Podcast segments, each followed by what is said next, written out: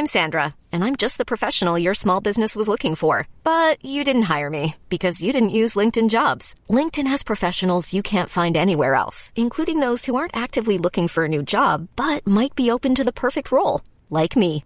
In a given month, over 70% of LinkedIn users don't visit other leading job sites. So if you're not looking on LinkedIn, you'll miss out on great candidates like Sandra. Start hiring professionals like a professional. Post your free job on linkedin.com/achieve today. Hans Petter Co. presenteres av TrippelTex, det skybaserte økonomisystemet som gir store og små virksomheter full oversikt over økonomien. Prøv TrippelTex gratis du også, i 14 dager, ved å gå inn på trippeltex.no.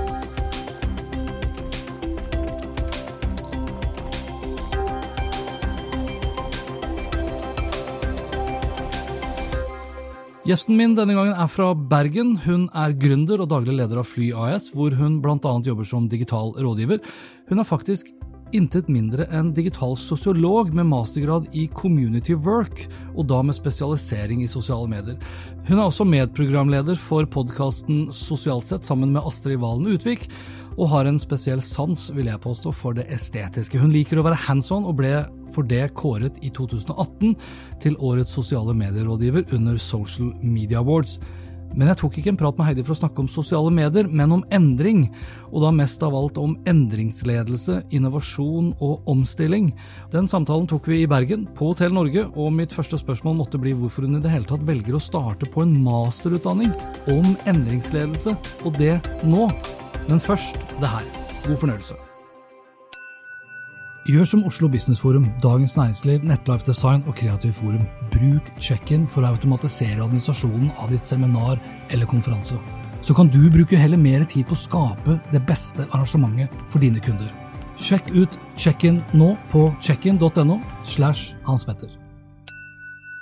Nei, altså Nå har jo jeg en master fra før av. Ja, i, Eh, hva da heter det for noe? Digital? du ja, står altså, er digital sosiol- sosiolog? Ja. Jeg, eh, jeg har tatt en master i, eh, i eh, sosiologi. Ja. Eh, Da skrev jeg om empowerment, og skrev om sosiale medier. Eh, Egentlig fellesskapsfølelse i bloggsfæren. Det er jo en god del år siden. Men Ja. så blir jo man ikke utlært, uansett om man eh, tippet akkurat 40, sånn som jeg er da. Så når det kom en mulighet for noe så eh, relevant og spennende som eh, endringsledelse og omstilling og innovasjon, som det masterprogrammet som jeg går på på NHH, når det dukket opp som en mulighet, så syntes jeg det var superspennende. Eh, Så derfor så eh, tenkte jeg at jeg bygger på en måte min kompetanse som rådgiver ved å få litt fersk og ny kunnskap. Men det, altså, hvor kommer det behovet fra, altså, i og med at du har fokusert mye på sosiale medier? Mm. Og det er jo endring i seg selv, da, i måten Ja. man driver kommunikasjon på. Har det meldt seg et behov for å ta da master i endringsledelse som følge av sosiale medier, eller er det noe helt annet?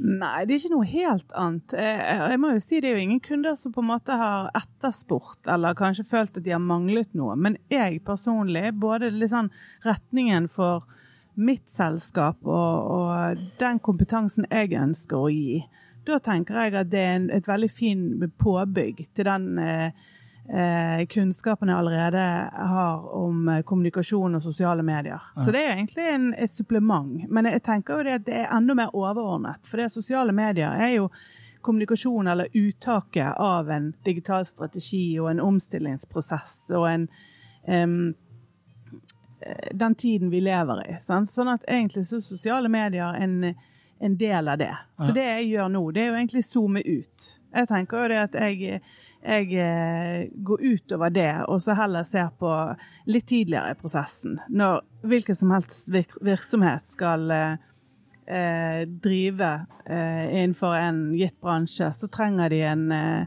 de trenger en strategi. Alle har jo en organisasjonskultur. Hvordan egentlig skal man jobbe med det? Og så kommer kommunikasjon som en av tiltakene av strategien. Men altså, begrepet da endringsledelse, kommer, altså kommer ledere, har ledere kommet til den konklusjon at de trenger hjelp med endringsledelse? Jeg tror, ja, Heldigvis så tror jeg det er flere ledere i dag som kommer til en sånn erkjennelse at de trenger hjelp, enn det de gjorde for f.eks. 20-30 år siden. Ja. Er det eksterne eller interne faktorer som driver det, tror du? Jeg tror det er samfunnet som helhet som endrer måten vi ser både lederskap og egentlig mennesker på. For det tidligere så var jo det et mye større sånn både respekt for og og um, det er det med autoriteter og Det er rett og slett et sånt ekspertparadigme som har egentlig gått over i et paradigme der ledere er en mye mer um, del av et team. Sant? Ja. Vi ser jo det at ledere i dag er jo veldig sjeldent ekstremt autoritære, og eh, de tar tid med på beslutninger. I hvert fall noen ganger så er det kanskje for syns skyld, men, men, men man skjønner i hvert fall at det er den veien samfunnet går. da, At eh, de må ha bistand. Og det er ikke lenger så flaut å si at ikke lederen er den som kan alt. Men kanskje det er den som er flink å, se, å knytte til seg andre folk som kan mye. Eh, Så sånn sett så er jo ledelse som fag blitt løftet opp, og er veldig interessant. Jeg tror heldigvis at mange ledere eh, ønsker mer av den type kompetanse. Men hva, hva, hva legges i begrep... Altså, hvis jeg holder et foredrag, så kan jeg sikkert prate litt om kultur og endringsledelse og hashtag endringsglede, som jeg for så vidt ikke tror egentlig eksisterer. Men når man jobber med endringsledelse, så man må jo gå ganske sånn metodisk til verks. Det er jo basert på noen sånne grunnleggende prinsipper om kanskje hva som skal til for å få det til å fungere. Eh, ja, altså jobber man eh, sånn strategisk faglig sett, så har jo man en verktøykasse. sant? Og veldig mange de eh, sverger til lean. Design thinking er jo ny, eller ikke så ny nå lenger, men, men en viktig et viktig verktøy for en del. Og det å bruke en del sånne type verktøy, det er en del av faget, strategifaget, som også da blir en del av, av eh, endringsledelse og omstillingsprosessen. Eh, for det at eh, jeg tror det at eh, det der at det i det hele tatt er blitt et fag, og at det i det hele tatt er blitt en interesse rundt den eh, tidlige delen av prosessen, det, det tror jeg er både kjempeviktig, men òg relativt nytt. Men må vi sette, må vi sette endringsledelse tydeligere på kartet fordi altså, endring er, har jo vært egne, den, og er den eneste konstante faktoren, hvis vi kan kalle det det. Men vi, det, endringene foregår kanskje mye raskere nå. Nå sier jeg kanskje, det er jo ekstremt Det gjør mm. sagt. Vi vet at det skjer mye raskere. Ja, ja. Men da ligger det liksom da et større behov for at endring må inn i kulturen fordi omstillingene skjer hyppigere. Og så kommer da liksom den floskelen inn om eh, For det som da lurer på hva som skjedde nå, så sitter vi da på Hotell Norge. og det rullet da et svært beger av flasker forbi. så her kan det jo innoveres også da i traller som ikke bråker. ja. Men det var det jeg skulle fram til. da. Altså, endringsledelse er jo, et, er en metodikk da for å kanskje skape en organisasjonskultur som ikke er så fremmed for omstilling, og da det slitte begrepet innovasjon. Ja, det er det. Og så tenker jeg det at i mye større grad eh, enn før, så har vi fokus på at all type strategi, også nedover eller bortover i en organisasjon, det må forankres Ja. eh, i i, ledelsen. Eh, for det, at det, det som du sier, det skjer utrolig mye kjappere. Man gir kanskje mer eh, ansvar utover organisasjonen i forhold til endring. Og da må eh, strategiprinsippene det må være forankret. Så det henger jo veldig, disse begrepene henger veldig sammen. Sant? Altså Omstilling, da krever man en god endringsledelse, eller fokus på endringsledelse. Og det igjen handler jo om at innovasjon er vokst frem som en kjempeviktig del av eh, næringslivet. Og for så vidt samfunnslivet vårt, så er innovasjon Ehm, det er jo ikke et nytt ord, ellers hadde det definitivt kommet, ja, det hadde definitivt kommet på et sånn her uh, nyordliste for ti år siden. Uh, men, men det er jo ikke nytt i det hele tatt, verken innovasjon eller endring. Men Men fin, finnes det, nå avbryter jeg, men fi, i og med at vi er på innovasjon, fins det én spesifikk in, eh, definisjon av hva innovasjon er? ja, det, det det gjør det jo. Eh, Nå, har- nå har ikke den helt sånn eh, på rams, men det finnes jo mange sånne typer innovasjon... Ja, men det er ikke én, vi har ikke én universell Nei. enighet om hva innovasjon er. Altså, Jeg sverger til, og det, og det er én av mange. Min definisjon Nei, det er ikke min. Den definisjonen av innovasjon som jeg liker best, det er at det må være noe som er nytt, Mm. nyttig og nyttiggjort. Og de aller fleste innovasjonene som da kalles innovasjoner, som jeg har kommet over, inkludert VIPS f.eks., som har vunnet mange innovasjonspriser, så var det jo ikke nytt. Altså, De var ikke førstemann ute, men det var veldig nyttig. Og så har de vært ekstremt eh, gode til å nyttiggjøre det gjennom ekstremt mye tradisjonell markedsføring. Mm. Ja, og så er det veldig stor forskjell på eh, Altså, du har jo en skala innovasjon. sant? Ja. Du har det som vi kaller for inkrementell in eh, innovasjon, som egentlig bare er små justeringer og forbedringer som egentlig skjer hele tiden. Mm. Og spørsmålet er om det å kalle det innovasjon Ja, bare er med på å gjøre denne dette ordet eller dette begrepet innovasjon enda mer forslitt. At folk er litt lei av det, fordi at vi kaller alt for innovasjon. Ja, det var sånn som når Norwegian her vant jo, ble jo kåret til Norges mest innovative selskap for et par år siden. Ja. Fordi de hadde da kommet opp med nye ruter til bl.a. Argentina. ja. Da tenker jeg, er det liksom det som altså når, du, når du ser på hva som innoveres i USA, for eksempel, da, og andre land, og i Norge for øvrig, så syns jeg det er med på å ødelegge Ja. innovasjonsbegrepet. ja, det er kanskje det. Men samtidig så er det jo med på å nyansere. For det at hvis alle ser på innovasjon som disse disruptive innovasjonene Altså disruptive betyr jo egentlig bare de der oppfinnelsene, eller de som helt sånn brått og helt nytt oppstår av Ja. et behov. Sant? Vi, vi har eh, eh, ja, altså det er veldig mange sånne ting som vi tenker, typisk sånn ostehøvel, som, som ikke er ny innovasjon, men som er en typisk innovasjon. Det er jo sånn folk gjerne har sett på innovasjon tidligere. Og så nå er plutselig innovasjon blitt bare litt justering av en forretningsmodell eller en app, la oss si en app som egentlig bare er en forlengelse av måter å gjøre, levere en tjeneste på. Så egentlig ikke en innovasjon i seg sjøl Nei. men som kanskje blir kalt en innovasjon bare fordi det er noe, en ny innpakning. Mm. Det er kanskje ikke innovasjon. Så spørsmålet er liksom hvordan vi, vi skal bruke disse begrepene, og så om hvermannsen på en måte vil forstå den nyanseringen, altså den skalaen som sier fra en sånn inkrementell til en disruptive. Om det er egentlig hensiktsmessig å gå ut og prøve å forklare det. For jeg skjønner jo at folk blir litt lei av innovasjonsbegrepet. Ja, altså en, en app kan jo Altså En app kan jo disrupte f.eks. en annens forretningsmodell uten at det er innovasjon i seg selv. Altså F.eks. en kalkulatorapp da, på din smarttelefon vil jo for de som har produsert kalkulatorer i tradisjonell forstand, oppleves som veldig disruptiv. Men det er ikke noe innovativt allikevel. Du har bare tatt liksom en eksisterende teknologi eller eksisterende eksisterende produkt, og så har du putta det inn i en annen plattform. Og så disrupter du rett og slett av markedet for kalkulatorer. Ja, ja. Og- Men det er jo like fullt en innovasjon, for det om ikke det var Ok, det er det. Ja, altså det vil jo jeg si. For det Ja. at innovasjon kan jo være så de der tre æ-ene dine. Mm. Måte, en annen måte å nyttiggjøre seg noe på. Et, en, en helt annen måte Ja, å men det var ikke nytt, da. Det er der jeg begynner å krangle. Nei, det var ja. Men de, må de være alle tre? Kan de være en av de tre? Hvis det bare er én av de tre, så mener jeg jo at da er jo nesten alt innovasjon. Og det, er jeg, det er derfor jeg er liksom Jeg jeg er litt sånn streng akkurat på det. For Mm. det, det, jeg synes liksom på, på, på, på mange måter så har innovasjon og endringsledelse og omstilling og disrupsjon Alle disse begrepene som jeg også Mm. har flydd rundt eh, i årevis og, og prata om på foredrag. ikke sant? Vi er med på å lage sånn bullshit-bingo, Mm. Ja, ja. og så mister ordet sin reelle betydning. da. Mm.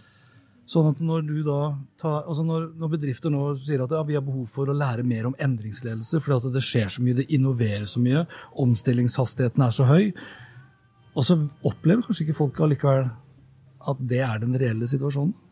Nei, men det er jo der. Hvem sitter på definisjonsmakten i forhold til Ja. hva innovasjon er, og hva er egentlig Så det er ikke så viktig. Nei, Jeg syns ikke det er så viktig. Og, og i dag, Jeg var faktisk på et, eh, et foredrag i dag der eh, eh, Ideen snakket om innovasjonsmodeller, eh, og snakket med en etterpå som eh, jobbet mye med Bergen kommune sine ganske store digitale prosesser, eh, prosesser. Og han sa det at du aner ikke hvor vanvittig flinke og hvor mye spennende som skjer. Men det er jo ingen som vet om det, for det, folk ser ikke under panseret. Og plutselig en dag, om tre år, så kommer det en eller annen, det som oppleves som en innovasjon for de, som plutselig forenkler hverdagen, som egentlig blir en sånn type disruptive opplevelse, Ja. men som har vært en inkrementell innovasjon. Men det er subjektivt hva som oppleves inkrementelt, og hva Ja, ja. som oppleves som disruptive eh, Ja. innovasjon. Og det er òg et poeng, at det, det kommer litt an på hvem du spør. Mm. Fordi at hadde noen fulgt den prosessen hele tiden, så hadde de sett at ja, men dette er noe som de egentlig har jobbet med hele tiden. Ja. ja, hvem du spør, og hvor du kommer fra, ikke minst. da. Ja, ja, det, Altså, for vi opplever jo kanskje sånn, vi opplever inkrementelle endringer kanskje ikke dag for dag, men sånn jevnt over, da. Mm. First movers som oss, vi Ja. vil jo hele tiden ha radaren ute og følge Mm. med på alle mulige slags nyvinninger og teknologiske muligheter. Ja. Vi vil ikke få det sjokket som det min mor eller noen andre som kanskje ikke er så Nei. eh, fremme der, vil få Nei, når de en, Jeg var i Hellas i sommer og, og ser liksom på hvor papirskjemaorientert alt er Mm. der, og hvor vanvittig lite effektivt eh, enkle prosesser som bare det å kjøpe en ferjebillett, f.eks. Mm. Uh, hvis de kommer hit til Norge, så vil jo de antakeligvis oppleve det som, et, som Norge som en ekstremt innovativ Ja, land. jeg. På samme måte som jeg kan, jeg kan dra til USA, som er liksom smeltedigelen for veldig mye av det vi tar for gitt nå i dag. Mm. Men så føler jeg ikke at de har liksom utnyttet mye av sin egen teknologi. Nei. En av de beste innovasjonene som for så vidt vi tar også for gitt, syns jeg, da, nå er jeg veldig subjektiv igjen, det er jo Easy Park. Mm. Altså, ja. ikke sant? Og når du har fått, først var Easy genial for at du kunne bare taste inn nummeret. Mm. Nå har jo Easy utvikla det her med parkeringsanlegg som eh, tar skiltet automatisk. Du bør ikke gjøre en dritt, du kan bare parkere bilen og så kjøre, og så fungerer alt sammen sømløst av seg sjøl. Det er jo ingen medier som skriver om det. Det er ingen foredrag nærmest da, som skryter hemningsløst av den friksjonsfrie opplevelsen det plutselig har blitt av å parkere. Det, det er jo innovasjon.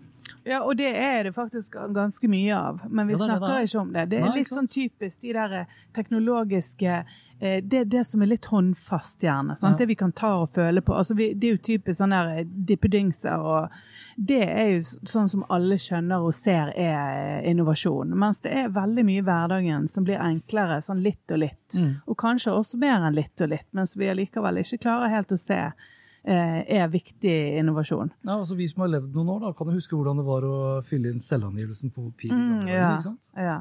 Og det er fortsatt realiteten for veldig mange. Mm. Altså Amerikanerne på nye TV-serier så snakker de fortsatt om sjekkhefter. Mm, ja, ja, det gjør de.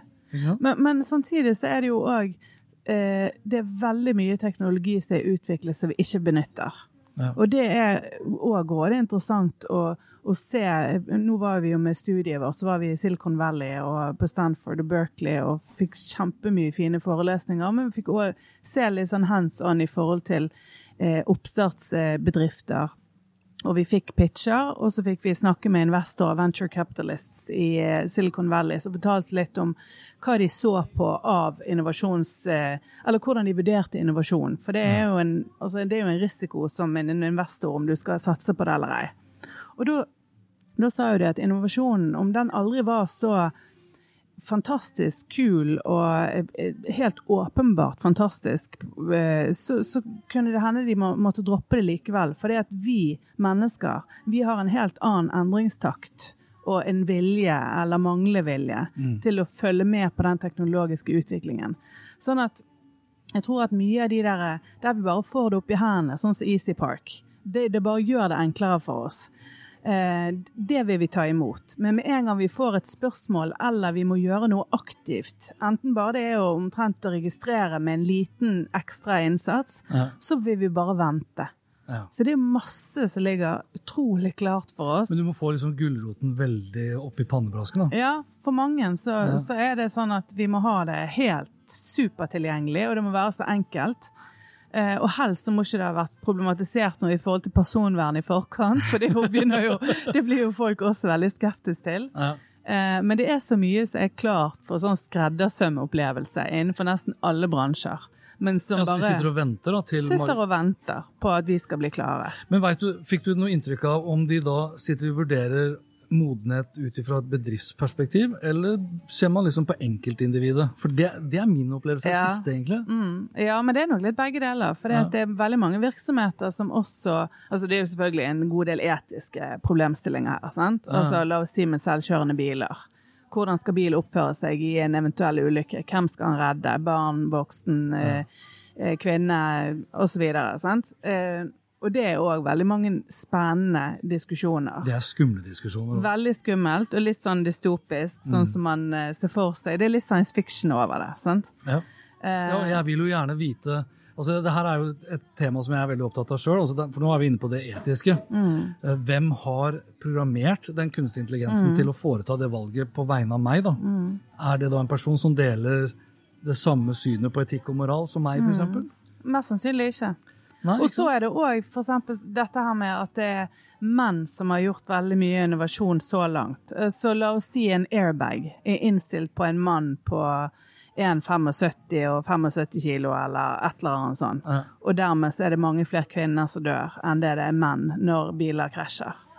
Oi, det var Sånn at det er en, en god del sånne ting som man, hvis man går i det, inn i detaljer i all sånn type Nå er jo ikke dette sånn type programmering på et veldig avansert nivå, men like fullt en sånn typisk problemstilling som Ja. man kan møte på, da.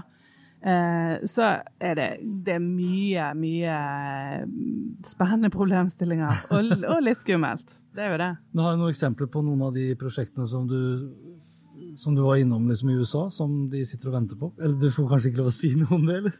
Eh, nei, vi var så vidt inne på det, uh, dette her med uh, butikker som er ubetjente, sånn som Amazon Go. Sant? Det er jo mange forskjellige mm, problemstillinger og utfordringer der òg. Men, men der er det jo det er jo kommet en god del butikker. Nå, de sa at det skulle komme en til Oslo for ikke så lenge siden.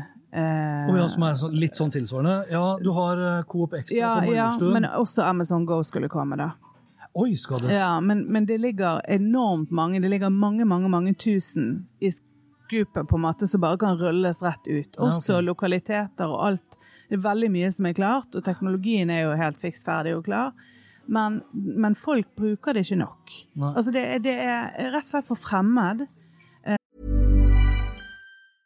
I'm Sandra, and I'm just the professional your small business was looking for. But you didn't hire me because you didn't use LinkedIn jobs. LinkedIn has professionals you can't find anywhere else, including those who aren't actively looking for a new job but might be open to the perfect role, like me.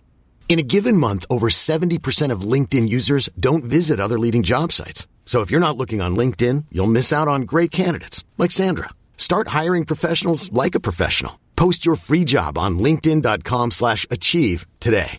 My business used to be weighed down by the complexities of in person payments. Then, Tap to Pay on iPhone and Stripe came along and changed everything. With Tap to Pay on iPhone and Stripe, I streamlined my payment process effortlessly. Now I can accept in person, contactless payments right from my iPhone. No extra hardware required. What's truly remarkable is how I can cater to all of my customers' payment preferences.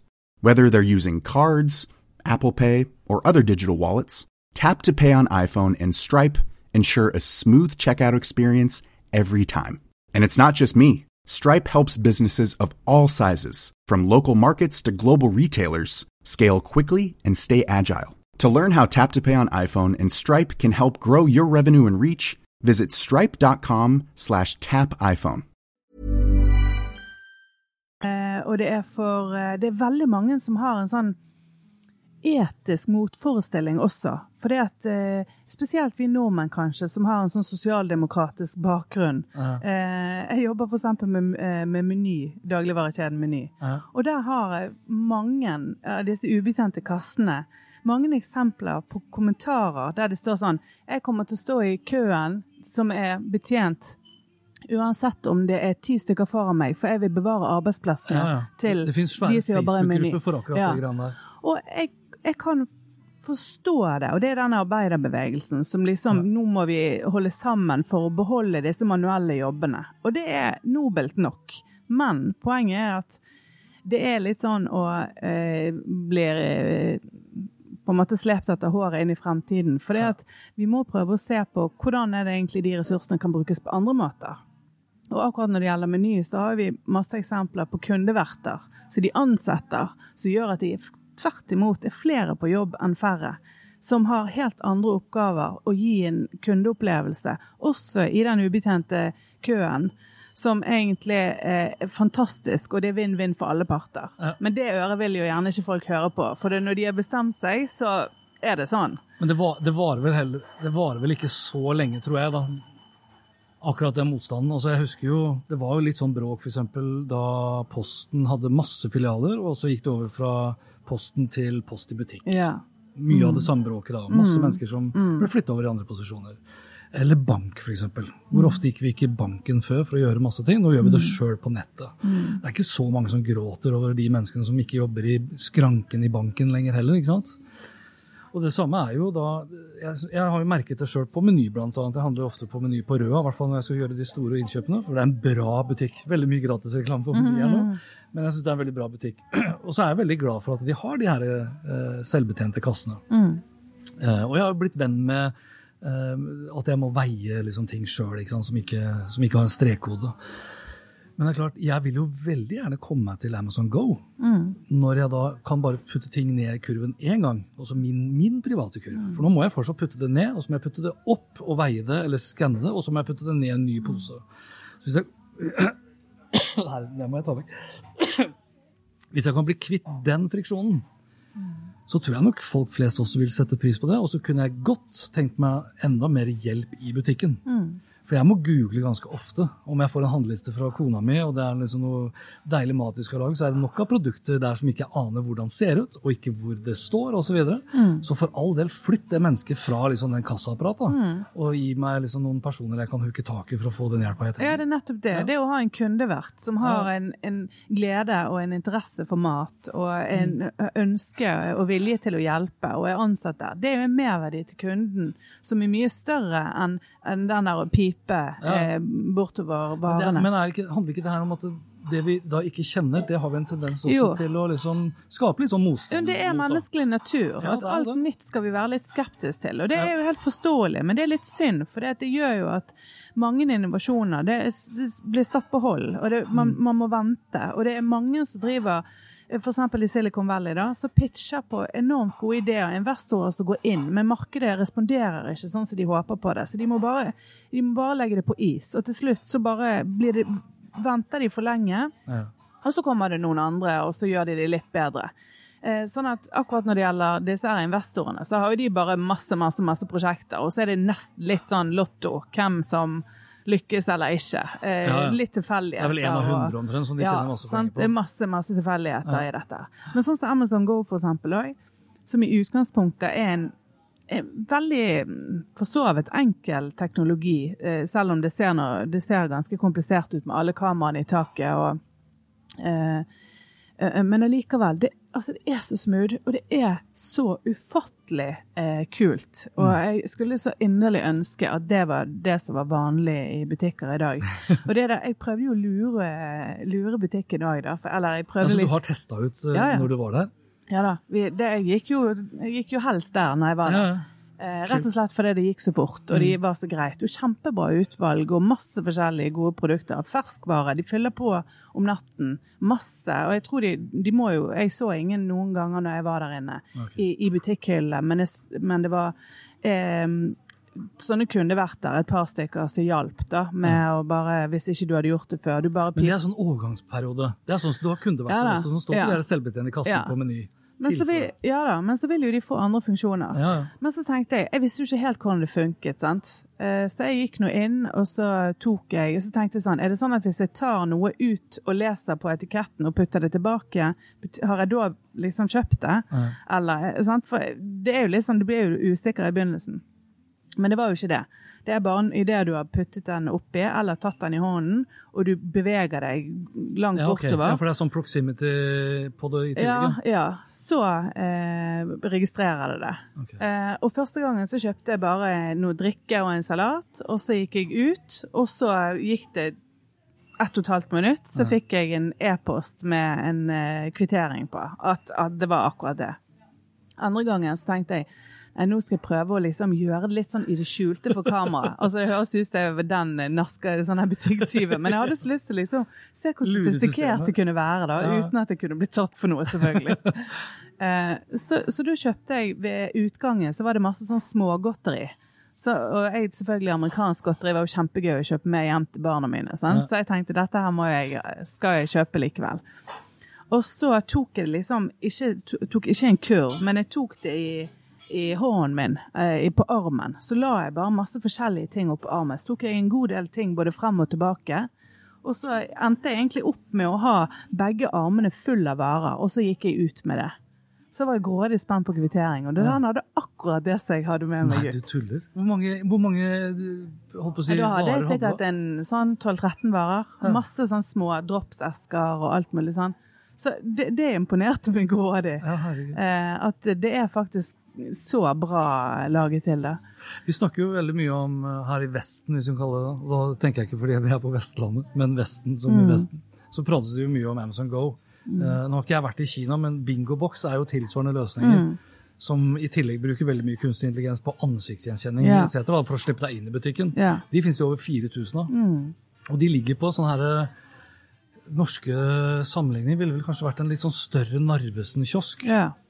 Og det er vel der også antageligvis da Amazon Go vil ligge. ikke sant? Det er det de ville gjøre. Ja, Mm. så vil de heller bruke Whole Foods til, eh, eller Meny da, Mm. til det fullverdige. For jeg tror det tar litt tid før du skalerer til liksom tusenvis av varer. Ja, Det det, tror jeg nok. ja, det tror jeg òg. Ja.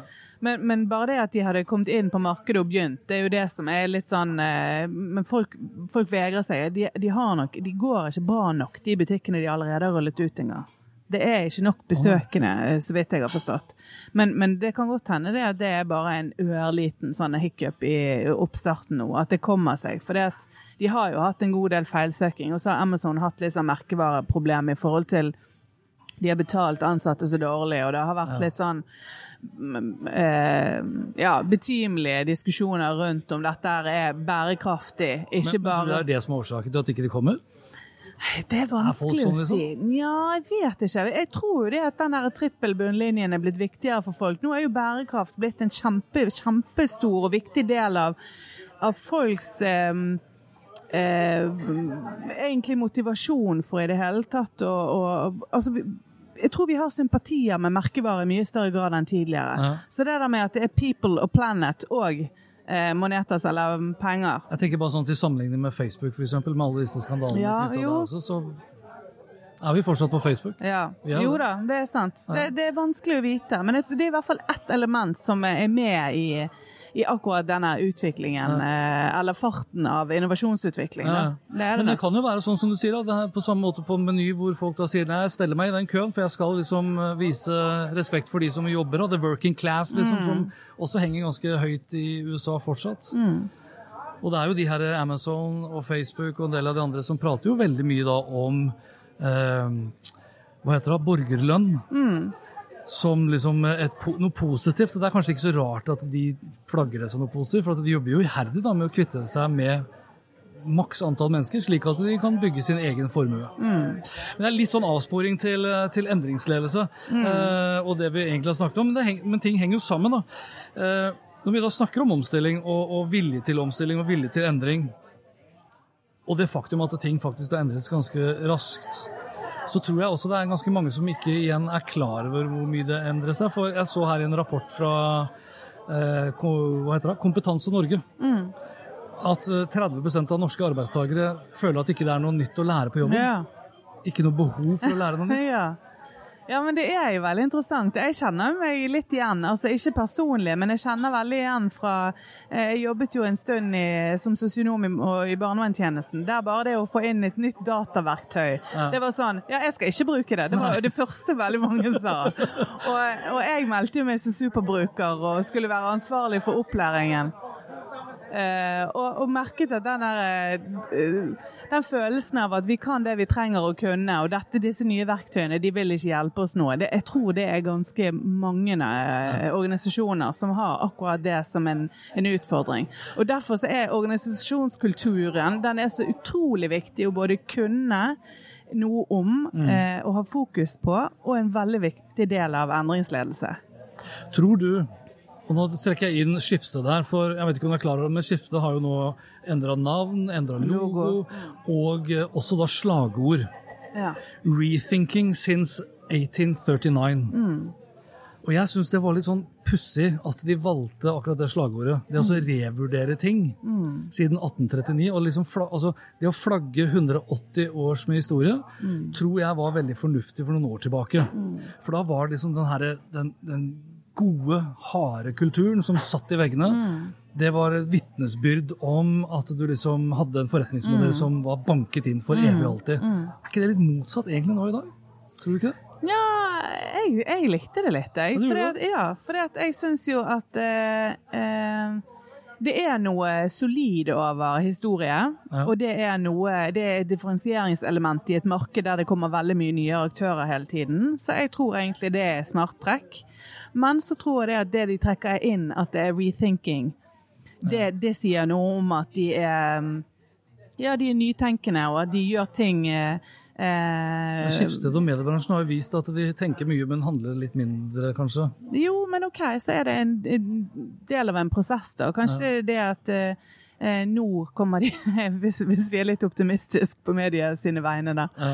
at nå kommer de til å både med sine forretningsmodeller og, og sine måter både tjene penger på og være en relevant samfunnsaktør, at de kanskje kommer med en god del nytt. Og det er i hvert fall et, et godt sted å begynne å rebrande seg sjøl litt, både visuelt og i forhold til verdiene. Ja. Så eh, jeg syns egentlig det var ganske smart, jeg, altså. Ja, da er vi ikke helt enige. Altså, Mm. jeg, det er ikke sånn, jeg er ikke sånn ekstremt negativ til det, men det å flagge 180 års historie som et konkurransefortrinn, samtidig som vi vet at snittalderen på selskapers levetid nå går ekstremt kraftig ned. Altså De konkurrentene som Schibsted da, med sine 180 år mest av alt konkurrerer med, er 20 pluss minus år. Da. Og den omstillingen som altså det er, Jeg tror det er lettere for et ungt selskap i dag, som er kanskje født og oppvokst med eh, endringsledelse, da, med at omstilling og endring er det eneste konstante, og som kanskje har den flate organisasjonskulturen hvor de gode ideene kommer like mye fra vedkommende sitter på bunn som vedkommende sitter på toppen. Tror du ikke det sitter litt lenger inne og for større selskaper? og Altså, Jo, det, er, det- er vel en grunn til at jeg avbryter, det er en grunn til at NHO blant, annet- blant annet da, har endringsledelse som, eh, som utdanning på masternivå. Mm. De hadde ikke hatt det hvis bedriftene endret seg i takt med markedet. Nei da, og jeg tror jo det at Men jeg, heldigvis så tror jeg Skipsted får en god del hjelp, da. Altså både eh, til at lederne skal være eh, fleksible og eh, nok opptatt av eh, organisasjonen sin og måten de skal lede inn i nye tider på.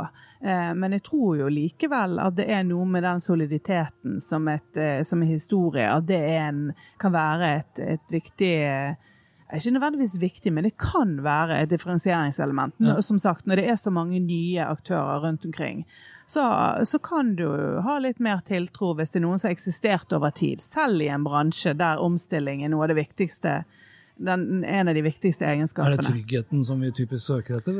Ja, det det, tror jeg. Ja. Jeg, jeg tror jo det at eh, eh, hvis jeg skulle ha investert i et selskap eh, utenom startups, som i, i kraft av å være et helt nytt konsept eh, er spennende i seg selv, men hvis jeg da skulle velge mellom to virksomheter som var helt like, eller sant, det er jo ikke mulig, men altså, hvis, la oss si de var ganske like, da. Ja. Mens det var noe mer solid, f.eks. med historie, eller det var en organisasjonskultur, forutsatt at den var ganske bra, da, eh, som var litt mer satt. Kan godt hende jeg hadde tenkt at det er litt det, er det tryggeste. Ja, Men, vi, ja, altså, vi, sø, altså, jeg spør, vi vi søker ja, vi mot trygg, det trygge, ikke sant? Og jeg tror jo ikke det at det er evig omstilling, og den farten. Sant? Vi snakker jo så mye om, eh, om dette eh, begrepet også eksponentielt. Ja. Alt skal egentlig ikke bare i dobbelttakt, men i hundredobbelttakt og tusendobbelttakt. At det er på en måte et honnørord i dag. At eh, det å øke eksponentielt er så bra. Men det er jo ikke bra alltid og i alle bransjer for alle mennesker. Nei. Så du må jo hele tiden se det i konteksten vi snakker om. At det at eh, noe er stabilt og trygt og egentlig ganske solid i en veldig omskiftelig verden, kan være en god kvalitet. Sånn at det ikke alltid om å gjøre å være verken innovativ, kjappest eller mest eller Ja. Nei, jeg, jeg, er helt enig med deg. og det er jo det er jo også en av årsakene at jeg blant annet er litt sånn tvilende til det her med strategi. Altså sånn, Hvor viktig er det å ha en strategi oppimot hvor viktig det er, er å ha en visjon, f.eks. Altså, tidligere, når ting da endret seg uh, lineært, da, så kunne man jo, da var det naturlig at du så bakover for å sånn sett da liksom kunne legge en strategi for fremtiden.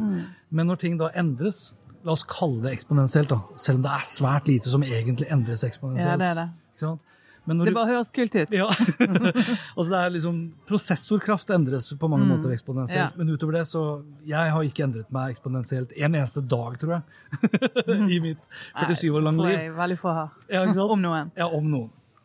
Så tror jeg, men samtidig så tenker jeg at når, når du i vi, altså Det har vært vanskelig å spå fremtiden. Mm. Det, alle tegn tyder jo også på det. altså Folk som har spådd fremtiden, har nesten alltid tatt feil. Men jeg tror det blir vanskeligere og vanskeligere å spå fremtiden, og derfor tror jeg det også blir, mindre, jeg tror det blir mer og mer fåfengt å se bakover for å kunne legge strategien for fremtiden. Følger du resonnementet? Mm. Ja, ja, absolutt. Og da er det jo viktigere å ha en sterk visjon som folk følger, fremfor å bare nedfeste liksom 2020-strategier. absolutt. Men det er jo ikke enten-eller, det er både òg. Ok. Sant? Det, går, det går an å både ha en sterk visjon for fremtiden, samtidig som man har en posisjon som man ikke man skal hvile på, men som man kan uh, ha som et fundament Ja. som gir en trygghet. Og så tenker jeg at strategi er òg en veldig annen øvelse i dag enn det det var for ganske få år siden. At i dag skal en eh, strategi være dynamisk. Den skal, være, den skal vise retning mer enn å være en mal for måten å jobbe på. Eh, og eh, en som jeg eh, nå går på kull med, eh, Lars Petter Aase, han sa faktisk Eller han, han sammenlignet eh, strategi med en, eh, en eh, eh, flokk med fugler som skal reise sydover. Han, og, og sa det at eh, eh, egentlig så er retning De vet jo ikke hva slags appelsintre de skal slå ned i, i i Spania om x antall uker eller måneder. De vet retningen, og de vet formasjonen i teamet. Ja. Og det er utrolig viktig.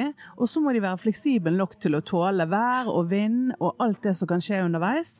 Og så havner de mest sannsynlig i, på et godt sted, uten at de vet nøyaktig hvor det er. Det er litt, og det syns jeg var en veldig god eh, metafor i forhold til dagens strategiarbeid. At man må tenke team, formasjoner, eh, og være konsistente i forhold til å tåle en god del, men samtidig dynamiske nok til å eh, ja, følge med på alt det som skjer rundt. For det, det er jo det vi vet, at i 2019-2020 så eh, er det mye støy, og det er mye som skjer, og det er ganske store endringer i nesten alle bransjer. Så hvis man klarer å ha en litt sånn retning og en visjon, Er ikke det den klassiske tegning, tegningen på liksom hvor vi skal ende opp? Så er det en sånn én rett strek som er liksom og så drømmescenario. har du de krøllene Og så er det alt det krusedullgreiene. ja, ja. Og det er vel tilbake til start, da. Og hvis vi skal runde av, så er det jo det som er den store utfordringen. At folk skal føle seg komfortable nok med det her krusedullet. Fordi de liksom i enden av tunnelen så kan de se det felles målet. Ja, og den prosessen. At det er Ja. faktisk en utrolig viktig del av selve arbeidet. Og at kanskje innovasjon kan skje midt inni krusedullen, og ikke der du skulle tro at den kunne skje. For det, det er jo faktisk en god del ting som eh, utvikles eh, uten at man nødvendigvis eh, har akkurat den eh, at, eh, Ja. Det er ikke nødvendigvis akkurat der man tror, da. Nei. Det spørs jo helt hva man utvikler. Det har vært mange sånne innovasjoner som handlet om én ting, og så by accident så kom man plutselig over noe helt Ja. Ikke et vondt ord om Hotell Norge, for det var virkelig et flott hotell, eh, men det var kanskje ikke det beste stedet å spille inn en podkastepisode på, iallfall ikke når hundrevis av mennesker prater med hverandre idet de er i ferd med å innta et større festmåltid. Så jeg beklager så mye at det ble til tider noe mer bakgrunnsstøy enn det burde strengt talt ha vært. Men nok om det. Hva tenker du om endringsledelse og innovasjon, ikke minst? Er det en fordel f.eks. i dag å ha en lang historie, eller kan en lang historie stikke kjepper i hjulene for rask nok endring? Er det viktigere å ha en solid visjon, eller er strategien det viktigste å få på plass? Og hvordan forholder du deg selv til endring, og hvordan hadde du f.eks. da reagert om 30% av dine ansatte følte at ikke de trenger å lære seg noe nytt? Og dette var det for denne gang. Liker du det du hørte og vil forsikre deg om at du får med deg de neste episodene, da kan du bl.a. abonnere på Hans Petter og Co. på Apple Podcaster. Ellers er podkasten også tilgjengelig på Spotify, Google Podcast, Overcast, Acast og TuneIn Radio. Inntil neste gang, vær nysgjerrig, for det er den beste måten å møte vår digitale fremtid på. Hans Petter Co. presenteres av TrippelTex, det skybaserte økonomisystemet som gir store og små virksomheter full oversikt over økonomien. Prøv TrippelTex gratis du også, i 14 dager, ved å gå inn på trippeltex.no. My business used to be weighed down by the complexities of in person payments. Then, Tap to Pay on iPhone and Stripe came along and changed everything. With Tap to Pay on iPhone and Stripe, I streamline my payment process effortlessly. Now I can accept in person, contactless payments right from my iPhone. No extra hardware required. What's truly remarkable is how I can cater to all of my customers' payment preferences. Whether they're using cards, Apple Pay, or other digital wallets, Tap to Pay on iPhone and Stripe ensure a smooth checkout experience every time. And it's not just me. Stripe helps businesses of all sizes, from local markets to global retailers, scale quickly and stay agile. To learn how Tap to Pay on iPhone and Stripe can help grow your revenue and reach, visit stripe.com slash tap iPhone. Why don't more infant formula companies use organic, grass-fed whole milk instead of skim? Why don't more infant formula companies use the latest breast milk science? Why don't more infant formula companies run their own clinical trials? Why don't more infant formula companies use more of the proteins found in breast milk? Why don't more infant formula companies have their own factories instead of outsourcing their manufacturing? We wondered the same thing. So we made ByHeart, a better formula for formula. Learn more at byheart.com.